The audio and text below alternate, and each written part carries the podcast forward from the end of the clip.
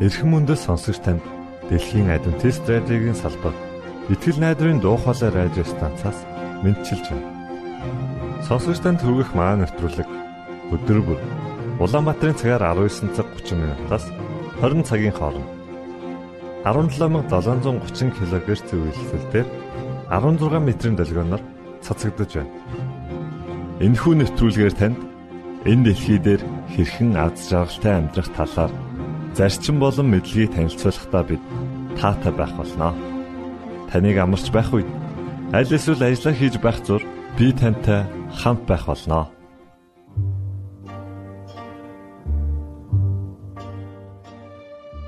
Өнөөдрийн хөтөлбөрөөр боловсрал нэвтрүүлгийн түүхэн хүмүүс цувралыг хүргэх болно. Үргэлжлүүлээд Бурхан минь намайг өөрчлөөч хэмээх магтан дуу танд хүргэж байна. Харин үүний дараа Есүсийн амьдрал хэмээх номыг танд аудио хэлбэрээр хүргэж байгаа лээ. Ингээ та нэвтрүүлгүүдэд хүлээн авна.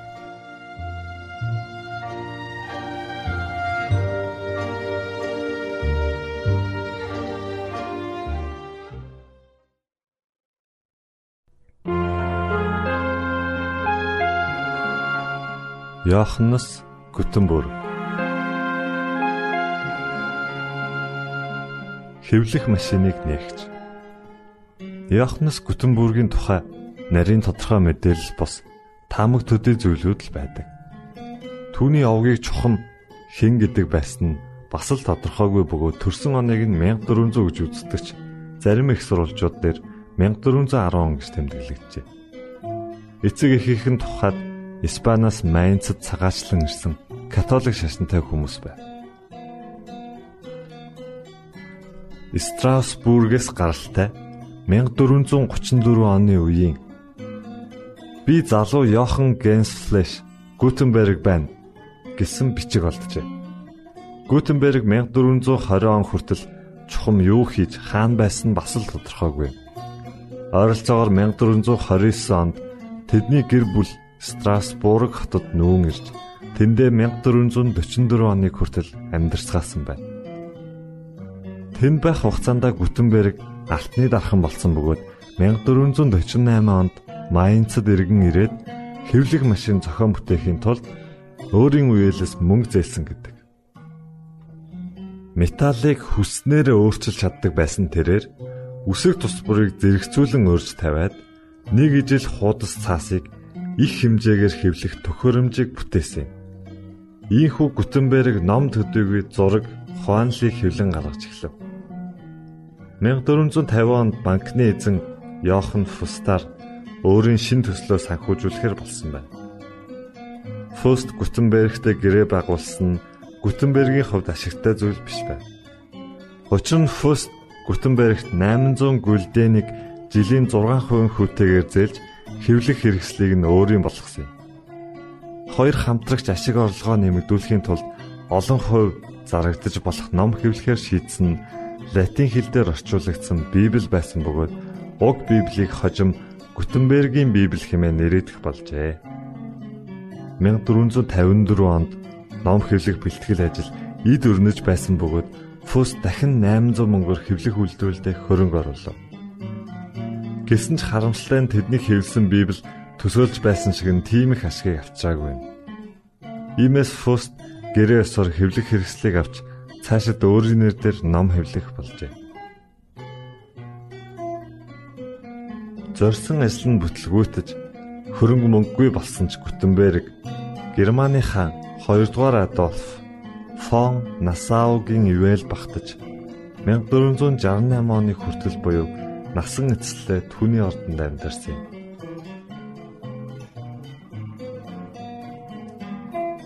Нийтдээ 1200 хуудас бүхий уг Библийг Йоханнес Гутенберг 1455 онд Майнц хотод хэвлсэн бөгөөд хэвлэлийн ихэ 3 жилийн турш бэлдэж байжээ. Нийт 200 ширхгийг хэвлснээс 48 нь үлдсэн байна. Гутенбергийн Библи нь өнөө үед хамгийн үнэтэй номын тоонд 109-оор ордог юм.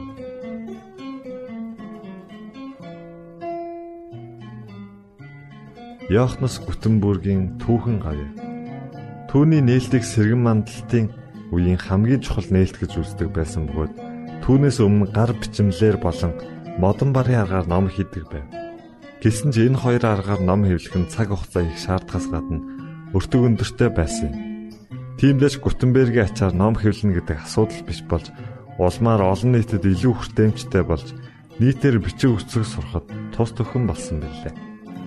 Ийхүү 15 дугаар зууны сүүлийн хагас гэхэд Европын олон оронд нийтдээ 250 гаруй хэвлэх үйлдвэр бий болсон байна. Сонсогч танд боловсрал нэвтрүүлгээс бэлтгэн хүргэдэг түүхэн хүмүүс цувралын шин дугаарыг хүргэлээ. Дараагийн дугаараар уулзлаа. Түр баярлалаа.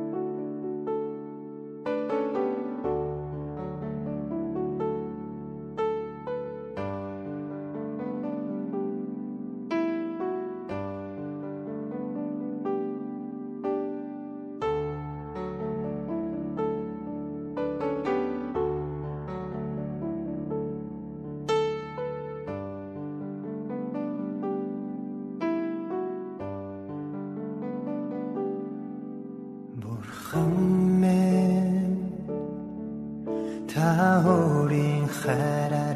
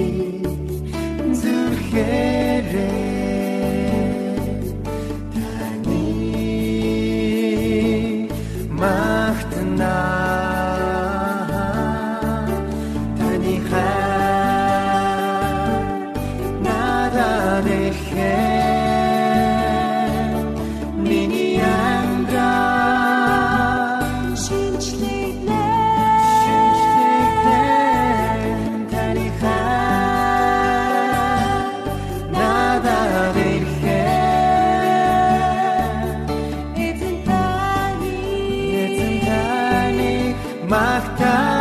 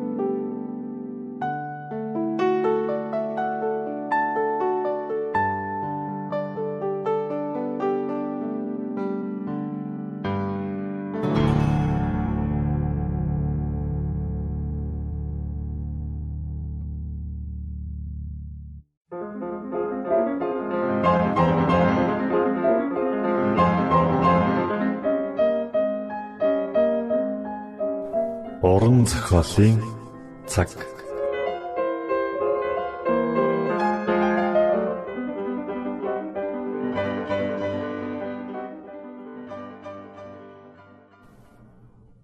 Есүс энэ дэлхийд ирсэн Галилийн уул толгодын дунд орших Назар хэмээх бяцхан суурьнд Йосеф Мари хоёр амьдран суудаг байв. Тэд Есүсийн дэлхий дээрх эцэг эх нь болох болно. Йосеф бол Давид хааны удам. Тэр цагт Ромчууд ард иргэдээс татвар авах тушаал гаргахад Давидын хот болох Бэтлехэм рүү татвараа төлөхөөр Йосеф явах болжээ. Тэр цагт нааш цааш аялна гэдэг амар хэлбэр байсангүй. Мария нөхөртөөгөө Бэтлехэм явах Бартад өгсүр замаар явсаар ихэд ядарчээ. Хөөхий бүсгүй тухтай сайхан амрах газар хүрсэн гэж хичнээн хүсэж байсан бол харамсалтай ойтсон газарт нь дэм буудлууд хэдийнэ дүүрсэн байлаа. Баян эрх мэдэлтэй нэгэнд тогтой сайхан газар олдож байхад хөөхий энхүү даруухан аялагчд малын сарвч нь хоноглохоос өөр аргагүй боллоо. Тэрхүү малын сарвчанд бидний аврагч Есүс мэдлээ. Ээж Мариан хүүгээ малын твсэнд хэвтүүлв. Ийхүү даруухан твсэнд сүр жавхлангаараа Тэнгэрийг гүйвлэгч дээд бурхны хүү нойрсож байлаа. Есүс дэлхийд ирэхээс өмнө Тэнгэрлэгч нарын удирдахч байсан. Юутай ч зүйрлэшгүй агуу гэрэл гэгээ цацруулсан Тэнгэрлэгч нар Есүсийн алдарсууг магтан тунхаглаж байлаа. Хаан Есүсийг сентиндээ суух үед Тэнгэр элч нар бүгд нүрээ халахлан мэхийн осолдог байжээ. Тэд түүнийг хүндэтгэн титмээ хөлдөн тавиад түүний агуу хүч чадлыг бахтан магтан дуулдаг байлаа. Есүс хаан суудал заларч хаан титэм зөөж хааны нөмрөг нөмрөн эцгийнхээ дэргэд үлдэж болох л байсан. Гэвч бидний төлөө Тэнгэрийн хаанчлалын бүхий л их мэдлээ дэлхийн ядуу аж амьдралаар солих сонголт хийсэн байна. Есүс өөрийг нь хайрладаг Тэнгэрлэгч нар болон хаан судлаа орхих замыг сонгосон билээ. Тэрээр биднийг хайрлсан учраас хүнд бэрх амьдрал ичгэвтер үхлийг хүлээн зөвшөөрчээ. Бурхан бидэнд ямар их хайртаг Христийн энэ бүх шийдвэр харуулсан юм. Тэрээр энэ дэлхийд Бурхны хүсэл дуулууртай байснаар Бурханд хүндэтгэл үзүүлж болохыг амьдралаараа харуулсан. Бид түүний үлгэр дуурайллыг дагахснаар эцэст нь түүнтэй хамт Тэнгэрийн гэр оронд үрд амьдрах боломжтой болох юм. Тэрээр энэ бүхний төлөө ирсэн.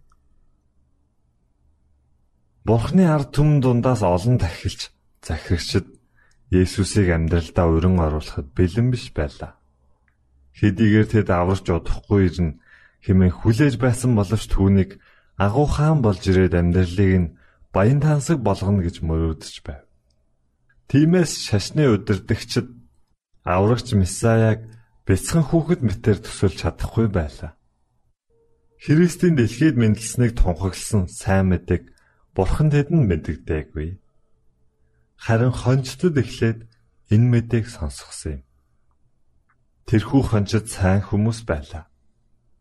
Хончид шөнөөр хоноо манахтаа амлагдсан аврагчийн тухай ирж түүнийг эрх талаар чин сэтгэлээсээ залбирч байсан тул Бурхан тэдэнд аврагч ирснийг мэдгэжээ. Гинт эзний тэнгэрлэгч тэдний өмнө зогсож эзний цог жавхлан эргэн тойронд нь гисэнд хончид үлэмжийн айдас давтжээ. Тэнгэрлэгч тэдэнд "Бүү айхтун, харагтун, би бүх ард түмний үлэмж баярлуулах сайн мэдээг та нарт авчирлаа. Өнөөдөр Давидын хотод аврагч эзэн Христ та нарын төлөө мэдлэлээ. Тэжээлийн твшинд байх даавууд өлгийцэн нэлэх хүүхдийг та нар олж харна. Энэ нь та нарт тэмдэг болно гэж хэллээ. Гинт өнөөх тэнгэрлэгчтэй хамт олон тооны тэнгэрлэг дайчид үзэгдэж бурхныг магтан дээр өндөрт алдарн бурхан байх болтугай доор газарт амар тайван нь түүний тааллыг олсон хүмүүст байх болтугай гисгэж байлаа. Тэнгэрлэгч нар тэднийг орхин тэнгэр өөд одсон хончид бие биедээ. Одоо шууд Бэтлехэм рүү очие. Эзний бидэнд мэдүүлсэн зүйл бүтснийг үздцгээе гисгэж байлаа. Тэд яаран ирж Мария, Йосеф болон тэжээлийн твшин дотор хэвтэж буй хүүг олж очив. Тэд үүнийг хараад мөнөх хүүхдийн тухай сонссон үгээ мэдүүллээ. Хончдын ярьсан зүйл нь сонссон бүгдийн гайхлыг төрүүлжээ. Харин энэ үгийг Мария зүрхэндээ тунгаан бодож энэ бүхнийг нандинан хадгалсан юм. Йосеф Мария хоёр еврей үндэстэн тул ёс заншлаа дагах учиртай байлаа. Тэд Есүсийг 6-7 хоногтой болоход нь Иерусалимийн сүмд Бурхан даатгахаар авчирлаа. Энэ нь Бурханаас Израильчуудад өгсөн тушаалын дагуу үлддэг ёслол байв. Есүс хүүхэд байхасаа л аливаад хүндэтгэлтэй дуулууртай ханддаг байсан. Бурхны хүү Тэнгэрийн хаан хүү бидэнд дуулууртай байдлын үлгэр дуурайлыг заан сургаж байв. Аливаа гэр бүлээс зөвхөн ууган хүүгэл сүм даатгадаг байжээ. Энэхүү ёслол нь олон жилийн тэртет болсон үйл явдлыг сануулдаг гэж. Израилийн хүүхдүүд Египтэд боочлогдож байх үед эзэн бурхан Израильчуудыг чөлөөлүүлэхээр Мосег илгээсэн. Эзэн бурхан Мосед хэлэхдээ Тэгэхэд чи фараонд эзэн ингэж айлдаж байна. Израиль бол миний хүү. Миний ууган хөвгүү. Тиймээс би чамд миний хүүг явуул Тэр надад үйлчлэг гэсэн боловч чи түүнийг явуулахаас татгалцсан. Үзэгтэн би чиний хүүг ууган хөвгүнийг чинь ална хэмээн хэл гэжээ. Энэ үгийг Мосе хаан дамжуулсан. Харин фараон эзэнгэгч хэн болоод Израилийг явуул гэсэн юм бэ? Түүний үгийг би яагаад авах ёстой юм бэ? Би эзнийг мэдэхгүй. Израилийг ч явуулахгүй гэж хэлв. Ингээд эзэн бурхан Египтчүүдийн дээр аимшигт гамшиг илгээв. Хамгийн сүүлчийн буюу 10 дахь гамшиг айл бүрээс буюу эгэл ард хаад ноёдын жалгаагүй ууган хүүгийн амийг авах гамшиг байлаа. Харин эзэн бурхан Мосед Израиль айлбар хураг гаргах ёстой гэж тушаасан. Израильчуудын төхөрсөн хургийнхаа цусыг гэрийнхээ хаалганы дотхондоо түрхэх ёстой байв. Энэ үйлдэл нь Израиль айлын дээгүр үхлийн элч өнгөрсөн ч хэнийг ч устсахгүй ба харин бардам ирэх бардам ихэмсэг Египт айлын дээрээс үхлийн сэтгэл буухыг бэлэгдсэн байв. Дээгүр өнгөрөх ёслолын энэ цус бол Христийн цусыг төлөөлж байгаа гэдгийг еврейчүүдэд сануулдаг юм. Цаг нь болохоор бурхан өөрийн цорын ганц хүүгээ тэр хураг адил өргөл болгон илгээхэд хүүд итгэгч хүн бүр мөнхийн үхлээс аврагдах болно. Библи Христийг бидний дээгүр өнгөрөх баярын хураг гэжээ. Итгэлээр бид түүний цусаар аврагдана. Ийхүү Израиль айл бүр эрт цагийн тэрхүү үхлийн гамшихаас үр хүүхдүүд нь аврагдсныг санан дурсаж ууган хүүгээс сүм даатгадаг болсон бөгөөд Энэ нь хүн бүр мөнхийн үхэл гим нүглээс аврагдах боломжтойг бэлэгддэг ажээ. Сүмийн тахилч ууган хүүг гар дээрээ өргөн тахилын ширээний өмнө аваачдаг. Ийхүү ууган хөвгүүдийг бурхны өмнө даатгадаг байлаа. Тахилч хүүг эгт нь буцааж өгөөд хүүгийн нэрийг Израилийн ууган хөвгүүдийн нэрс бичсэн хуйлмал бичээс эсвэл номонд бичдэг байсан. Үүнтэй адил Христийн тусаар аврагдсан хүн бүрийн нэр амийн номонд бичигдэх болно. Та уран зохиолын цаг навтруулыг бүлээн авч сонслоо. Дараагийн дугаараар уулзтлаа. Түр баярлалаа.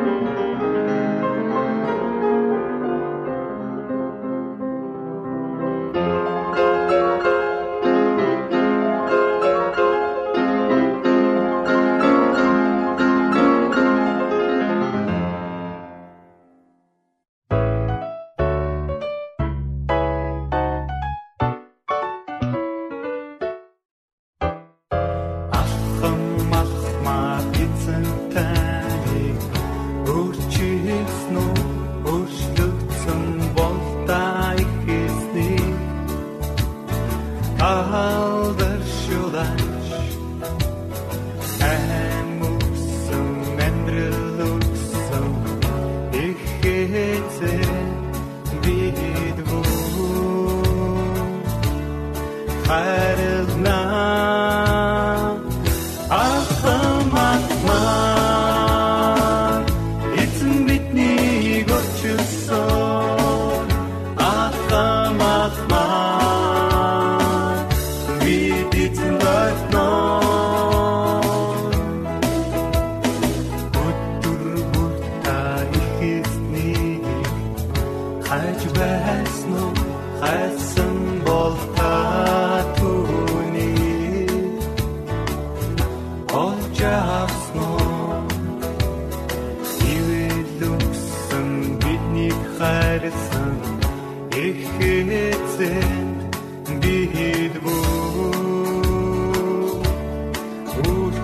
ne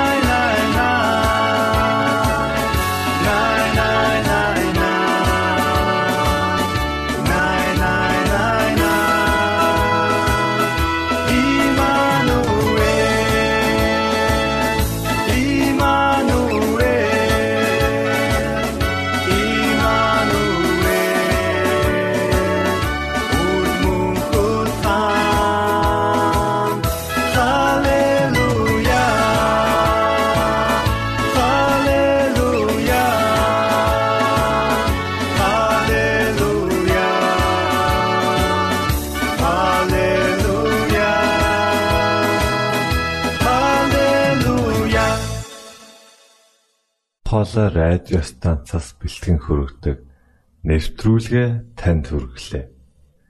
Хэрв та энэ өдрийн нэвтрүүлгийг сонсож амжаагүй аль эсвэл дахин сонсохыг хүсвэл бидэнтэй дараах хаягаар холбогдорой. Facebook хаяг: Латин үсгээр Монгол заавад AWR Имейл хаяг: mongol@gmail.com Манай утасны дугаар 976 7018 24 9 Шуудангийн хаяг 16 Улаанбаатар 13 Монгол улс Биднийг сонгонд цаг зав аваад зориулсан танд баярлалаа. Бурхан таныг бивээх батугай